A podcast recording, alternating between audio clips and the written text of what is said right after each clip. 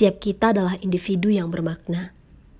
Apa pun itu statusnya, apa pun itu gendernya, agamanya, bahkan suku bangsanya, apa pun itu, kita semua berhak untuk diterima. Kita semua berhak untuk bahagia. Buset, serius amat dah. Annyeong. Selamat malam semuanya. Ketemu lagi sama gue Kamelia.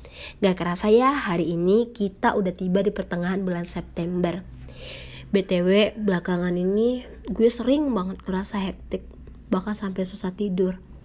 You know lah, kondisi kita belum bisa balik kayak dulu lagi. Tahu nggak?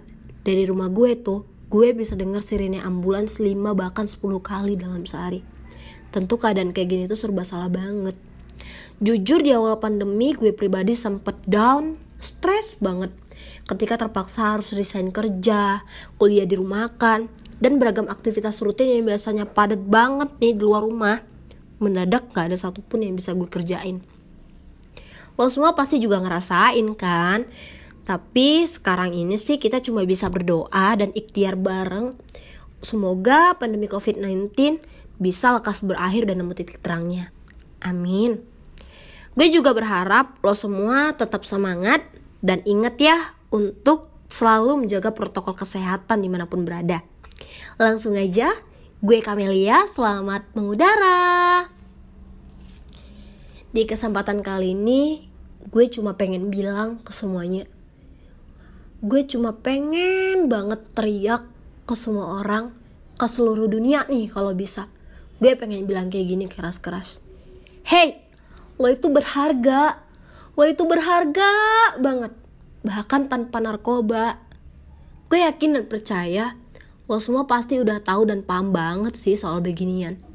Tapi gue mau ingetin lagi bahwa narkoba adalah sejenis zat adiktif yang berbahaya bagi tubuh manusia yang dapat mempengaruhi kondisi kejiwaan, pikiran, perasaan, dan perilaku penggunaannya. Biasanya menimbulkan efek penurunan kesadaran, halusinasi, serta daya rangsang yang mengakibatkan kecanduan. Gue juga percaya, lo semua juga pasti tahu bahwa negara kita Indonesia merupakan negara dengan intensitas penyalahgunaan narkoba yang tinggi. BTW nih, dari survei Badan Narkotika Nasional menunjukkan bahwa jumlah pengguna narkoba dalam status pekerja menunjukkan angka sebanyak 72,67 juta jiwa. Dan mirisnya lagi teman-teman, yang berstatus pelajar dan mahasiswa berada pada angka 51,87 juta jiwa. Pertanyaannya, angka sebanyak itu mau dibawa ke mana? Banyak, banyak sekali dalihnya.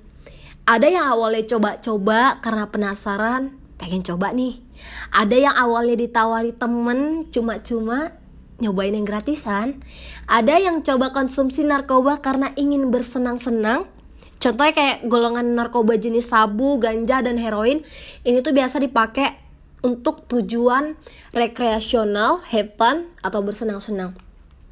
Nah, menurut National Institute on Drugs Abuse 2020, menyatakan bahwa gangguan emosi psikologis pada anak dan remaja juga meningkatkan resiko pengguna narkoba. Hey, tanpa kita sadari selama ini, berdasarkan riset, narkoba adalah salah satu penyumbang kematian terbesar di dunia. Jika kita refleksi bersama ke belakang, sudah berapa banyak nyawa, sudah berapa banyak orang yang mati sia-sia akibat kecanduan narkoba. Gue paling kesel nih, kalau ada orang rese yang bilang, gue pakai narkoba tahu dosisnya kok. Gue pakai narkoba untuk penyemangat kerja kok yang lebih parahnya lagi nih, gue pakai narkoba buat berkarya, sah-sah aja dong. Buset, kepala otak lo sah. Yang namanya pakai narkoba, gak ada satupun alasan dan dalih yang ngebenerin lo untuk pakai narkoba. Ya karena apa? Dampaknya gak cuma ngerugiin diri lo sendiri bro. Gak cuma ngerugiin diri lo sendiri. Tapi juga berdampak pada orang-orang terdekat lo Mulai dari keluarga, temen, saudara, sekolah, kampus, tempat kerja. Bakal ini terbesar adalah negara kita sendiri.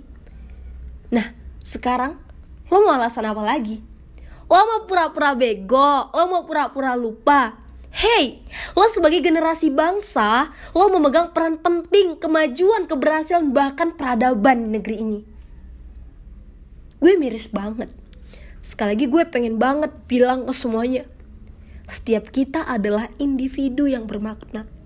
Lo, gue, dan kita semua berharga bro tanpa narkoba. Kita tetap bisa kok produktif setiap harinya.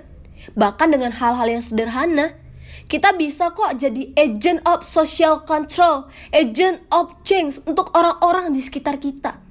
Kita bisa menyampaikan pesan-pesan, kampanye-kampanye di sosial media, bisa jadi lewat foto, video, musik, bahkan konten-konten digital lainnya yang lebih bermutu dan bermanfaat bagi banyak orang pastinya. Kita bisa jualan online, kita bisa ikuti beragam event dan perlombaan, meskipun dari rumah aja, jadi nggak ada alasan untuk stuck, untuk diam aja tanpa ngelakuin apa-apa setiap harinya. Kita bisa tetap tumbuh dan mekar tanpa narkoba. Nah, ada banyak cara, ada banyak strategi yang bisa kita lakukan untuk mencegah penggunaan narkoba. Pertama, jadikan narkoba sebagai ilmu pengetahuan.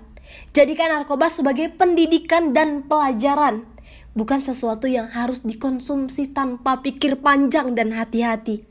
Kedua, kita bisa ikuti penyuluhan dan kenali seberapa bahaya narkoba agar kita terhindar dan tidak terjerumus ajakan setan yang menghancurkan masa depan. Ketiga, kita bisa membentengi diri dari lingkungan yang rawan dari penggunaan narkoba.